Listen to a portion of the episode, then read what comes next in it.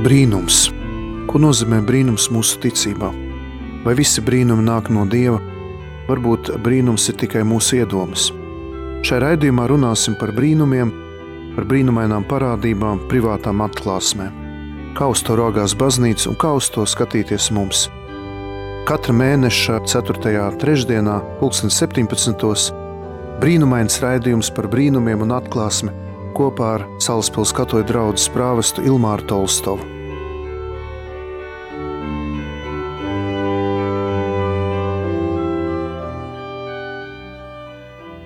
Lai ir slavēts Jēzus Kristus, darbie radījumi, arī Latvijas klausītāji.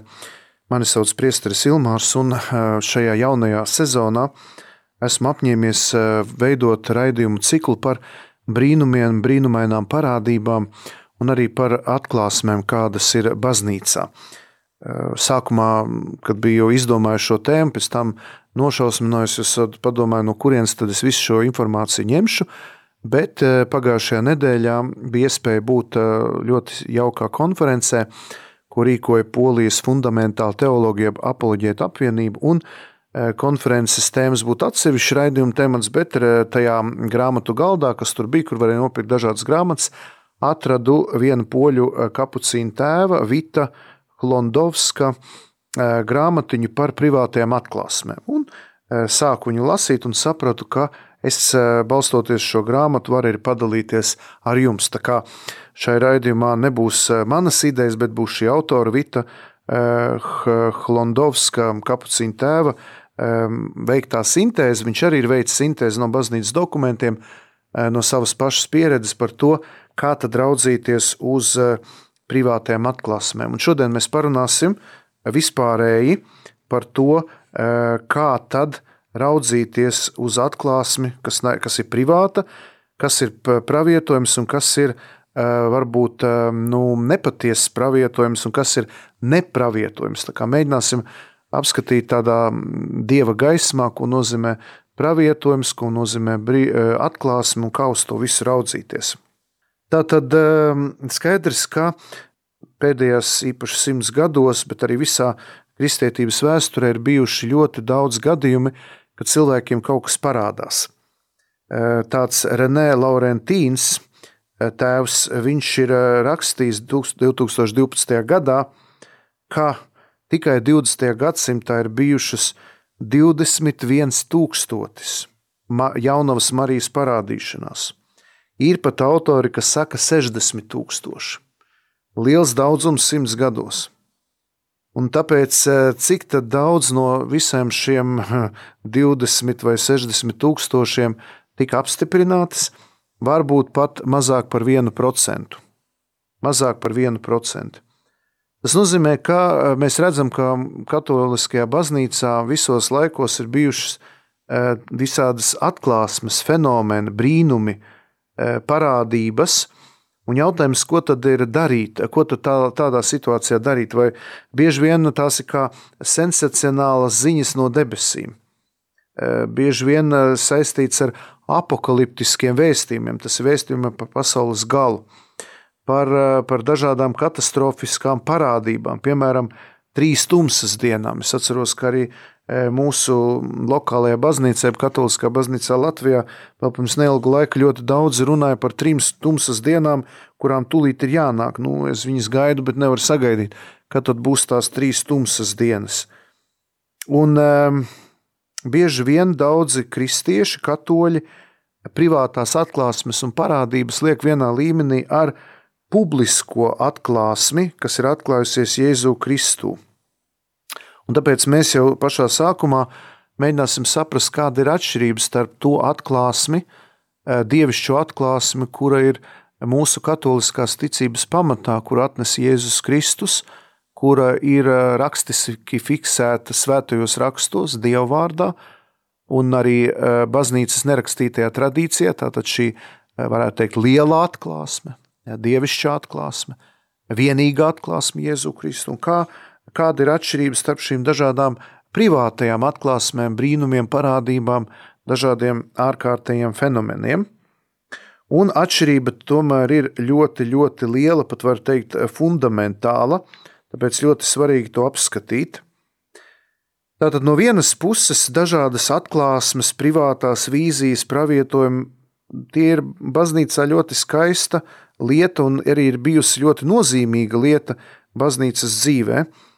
Bet no otras puses ļoti daudz šīs atklāsmes satur maldīgu mācību un nesas, nav saskanīgas ar dievišķo atklāsmi, ko atnesa Jēzus Kristus. Tāpēc, eh, lai atšķirtu, eh, vai šīs privātās atklāsmes, eh, dažādas parādības, brīnumi, vēstījumi, vai tie ir saskanīgi ar dievišķo atklāsmi, te mēs varam uzdot dažus jautājumus. Kas tad patiešām ir privāta atklāsme? Un kāda viņai ir saikne ar šo publisko, jeb vienīgo lielo atklāsmi Jēzu Kristu?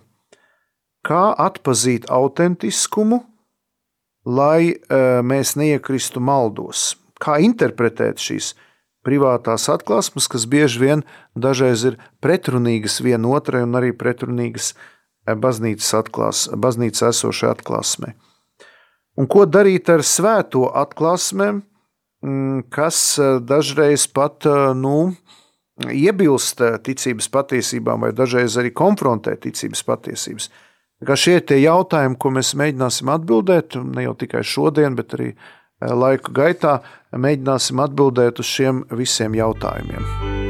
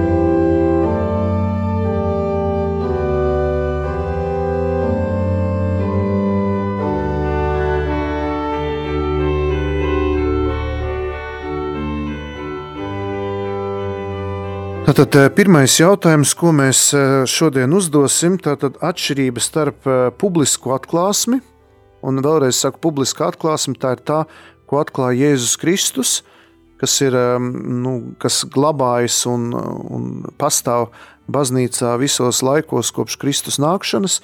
Un tā ir pieejama svētos rakstos un baznīcas tradīcijā. Un tātad ar, ar publisku atklāsmi es domāšu tieši šādu atklāsmi.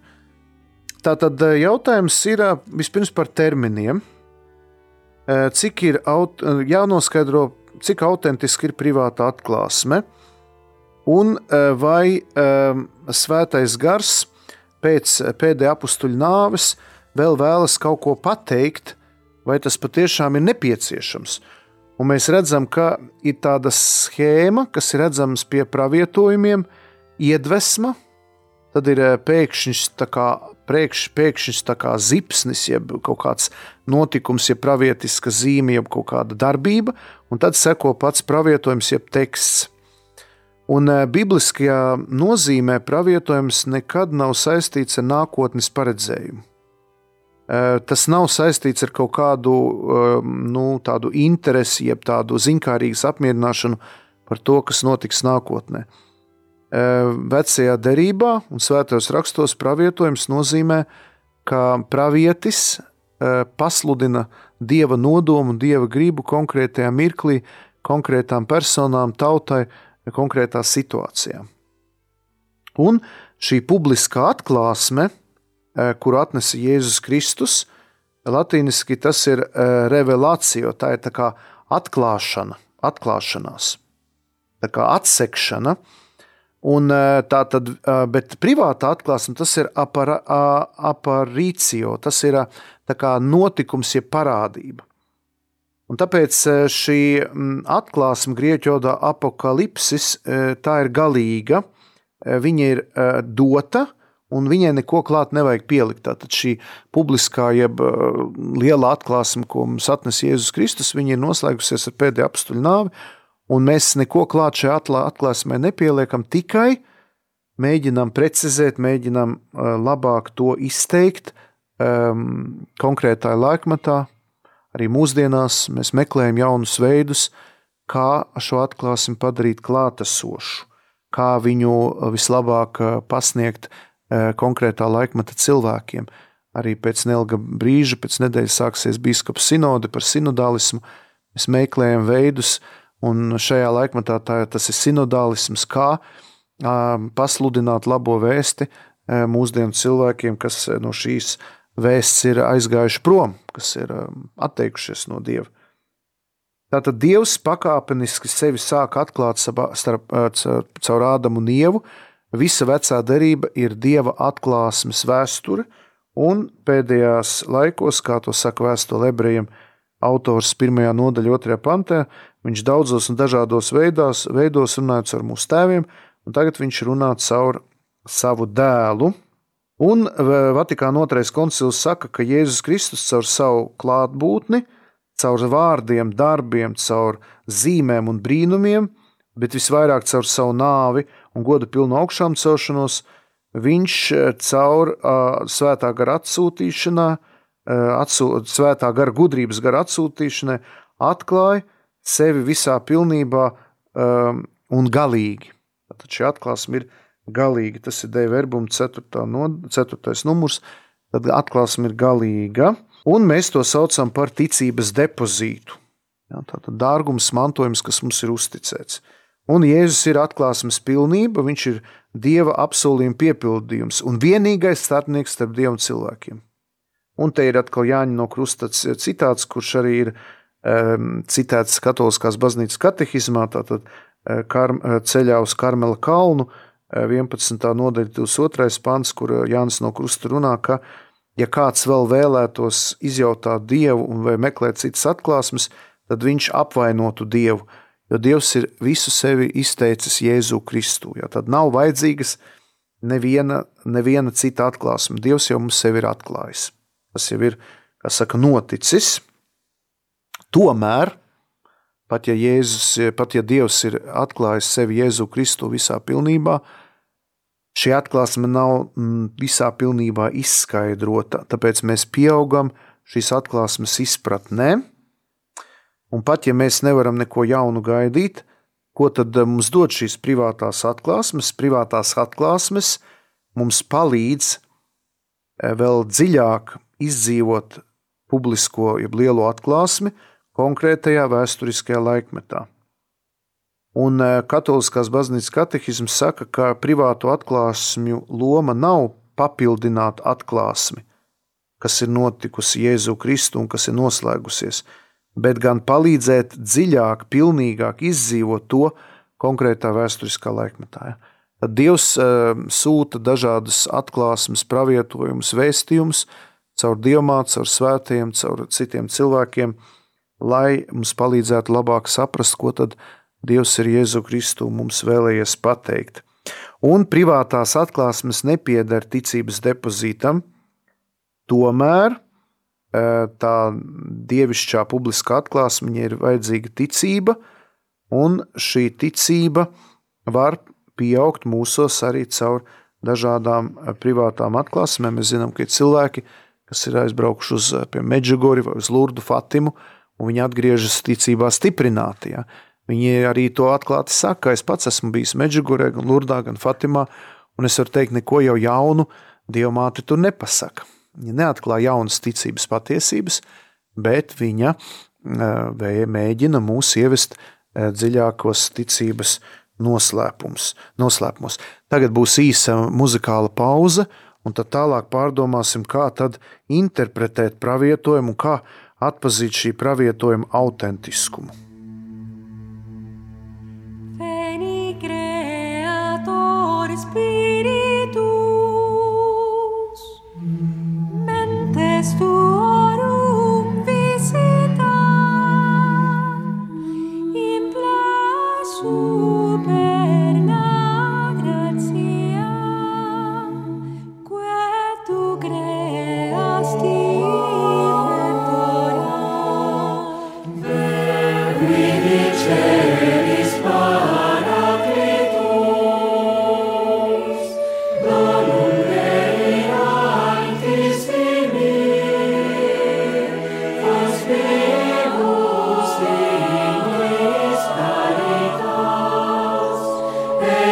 Spirit.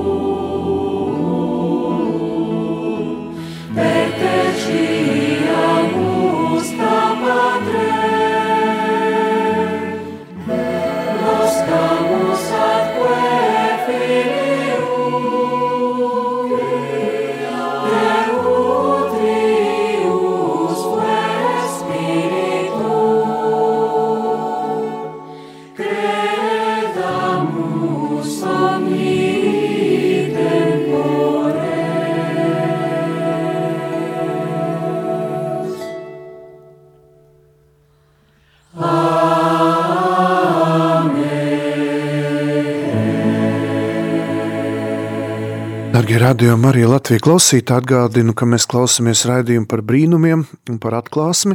Studijā priesteris Ilmārs Tolstovs, Salaspils katoļu draugs prāvis, teoloģijas doktors. Un, protams, šis raidījums ir dziļi saistīts ar manu teoloģisko disciplīnu, fundamentālu teoloģiju, apoloģētiku. Mēs aizstāvam kristīgo ticību un mēģinam nostiprināt šos mūsu ticības pamatus, lai tie netiktu kropļoti vai netiktu izkustināti, lai mēs labāk pazītu savas ticības pamatpatiesības. Tātad katram pravietojumam, jeb atklāsmei, ir vajadzīga interpretācija. Jo, kā jau teicu, vispirms seko šis kaut kāda spoža gaisma, šis kaut kāds notikums, tas notiek pēkšņi, un tad seko interpretācija. Un var gadīties, ka var gadīties situācija, ka Eh, interpretāciju saņem interpretācijas dāvanu, jeb interpretē kāda cita persona, cits pravietis nekā tas, kuram šis pravietojums ir dots.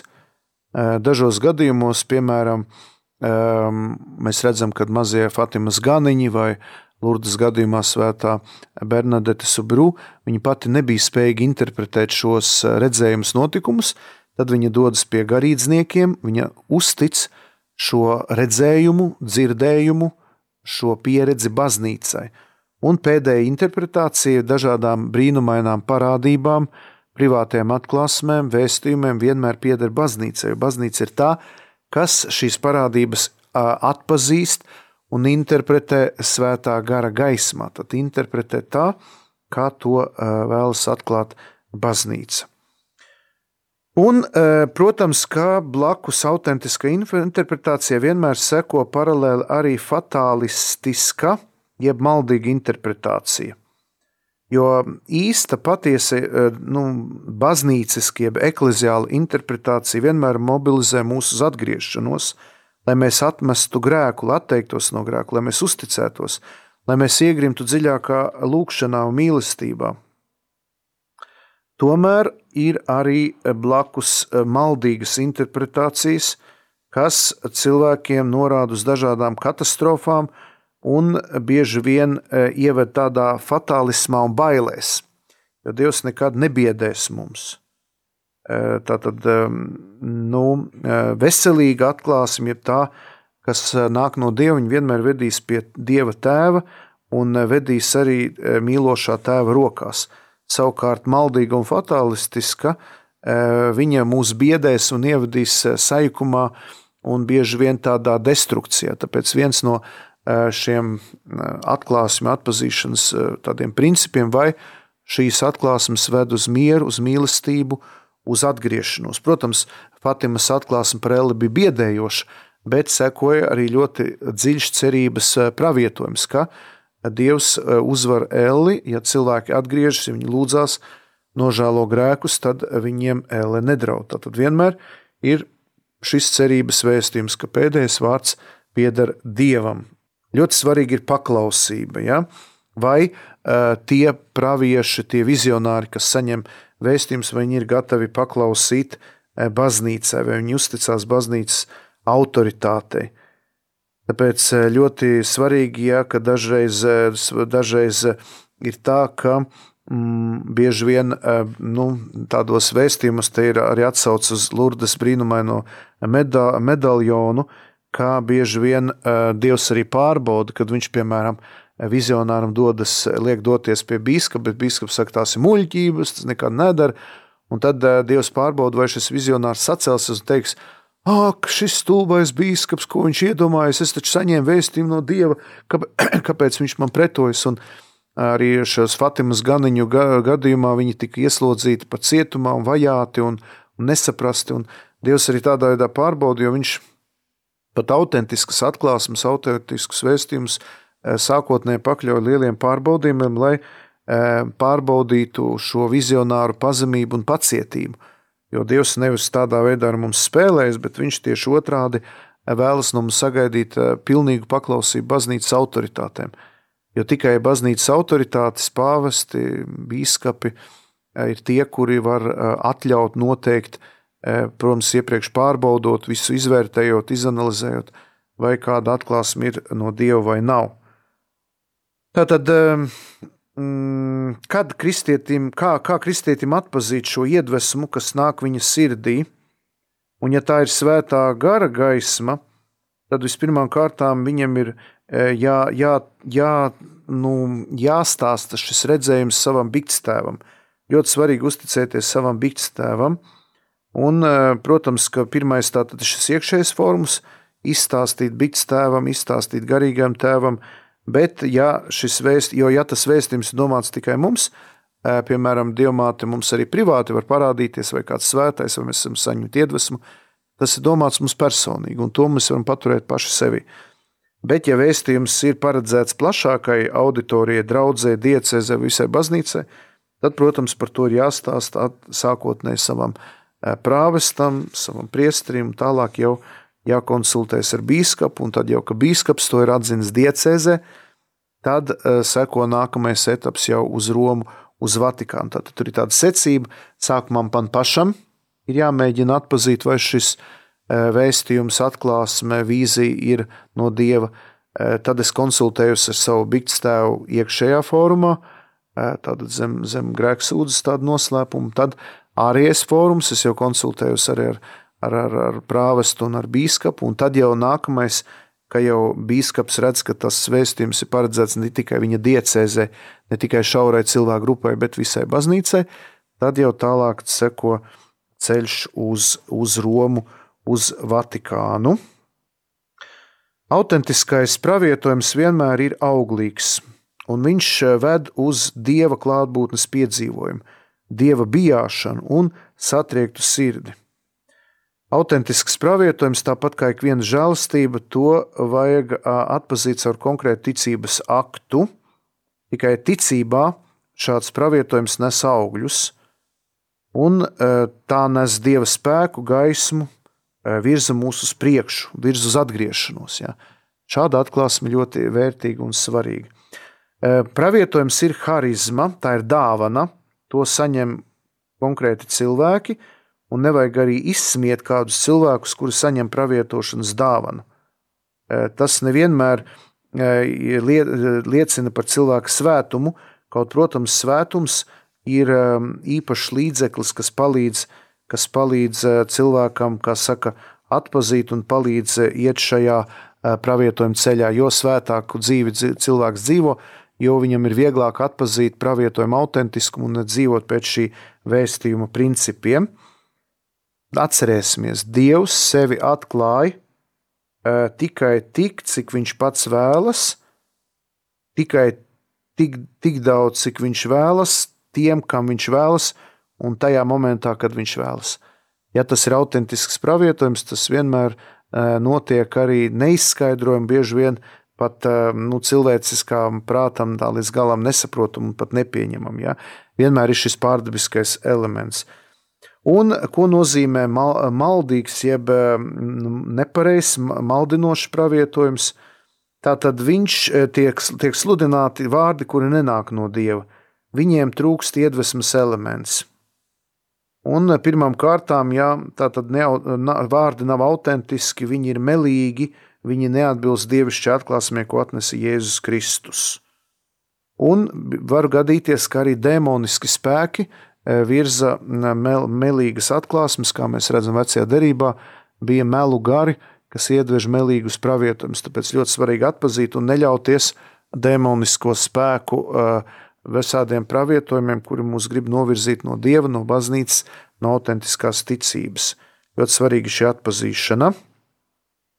Jo Dievs nemelo, bet melu tēvs melo. Un tāpēc ļoti svarīgi atpazīt šos te melīgos pravietojumus. Bija pat daudzi, bija pat daudzi svētie, kuri arī savā dzīvē piedzīvoja melu eh, tēva uzbrukumus, bet tos viņi atpazina un eh, ļoti eh, veiksmīgi ar spēku atvairīja.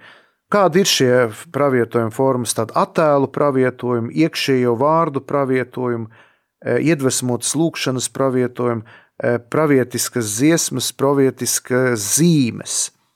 Un eh, vīzijas, jeb redzējumi, tā tad ir vizio sensibilis, vizio imaginatīva un vizio intelektuālis. Ja. Tātad ehm, pirmais, tātad vizio sensibilis, tas ir eh, tātad fiziskā veidā tiek viss kaut kas redzēts. Tad ir vizio imagitīni navita, Tātad tas nozīmē, ka tas ir kā iekšējas iedvesmas, iekšēji attēli, iekšēji atmiņa. Un tad ir vīzija, uh, intelektuālis, tā ir garīga vīzija. Tas bieži vien ir tāds garīga redze, uh, tas ir mistiķi, redzēja garīgas uh, likuma sakarības, jā, tātad dažādas vīzijas. Un jāsaprot, ka katrs cilvēcisks redzējums, jeb cilvēciska pazīšana, ir subjektīva. Un viņa sevi ietver kaut kādu daļu no manis.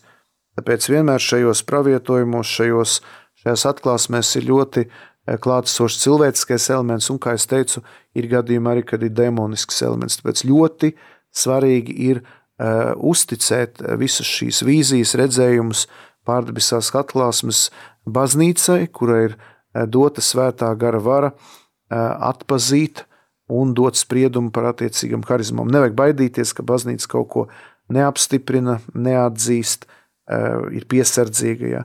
Jo mums nav pienākums ticēt privātām atklāsmēm. Ja mēs nepieņemam arī Lūrdas, Fatimas, eh, Medžugoras atklāsmes, mēs ar to negrēkojam.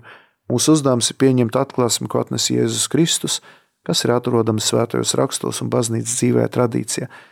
Es domāju, ka šai reizei būs eh, pietiekami. Nākamajā mēs parunāsim par pravietiskā harizmāta, jeb harizmas īsu vēsturi, skatīsimies, kāda ir vēsturiskais fons šim visam, un iesim lēnītiņām tālāk, un nebaidīsimies no dažādiem redzējumiem, pārdabiskām parādībām, bet būsim piesardzīgi un uzticēsim e, visas šīs lietas baznīcas e, gudrai atpazīšanai un ļausim e, attiecīgām autoritātēm baznīcā arī dot spriedumu par šo dažādu fenomenu, privātu atklāsmi, redzējumu, brīnumu, autentiskumu. Novēlot jums svētīgu dienu un aicinot arī nebaidīties no pārdabiskās žēlastības, no arī dažādām ārkārtējām harizmām, eh, vēlos iedrošināt ikvienu un aicinu ikvienu eh, padziļināt savu ticības izpratni, savu ticības apziņu. Eh, uz tikšanos nākamajā mēnesī, nākamā mēneša 4. trešdienā, 2017. raidījumā par brīnumiem un atklāsmēm priesteris Ilmārs Tolstovs um, no Salaspils uh, Romas katoļu draudzes.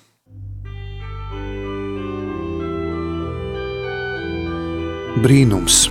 Ko nozīmē brīnums mūsu ticībā? Vai visi brīnumi nāk no Dieva? Varbūt brīnums ir tikai mūsu iedomas. Šai raidījumā runāsim par brīnumiem, par brīnumainām parādībām, privātām atklāsmēm. kā uz to raugās baznīca un kā uz to skatīties mums. Katra mēneša 4. trešdienā, 2017. brīnumains raidījums par brīnumiem un atklāsmi kopā ar Salaspils katoļu draugu prāvestu Ilmāru Tolstovu.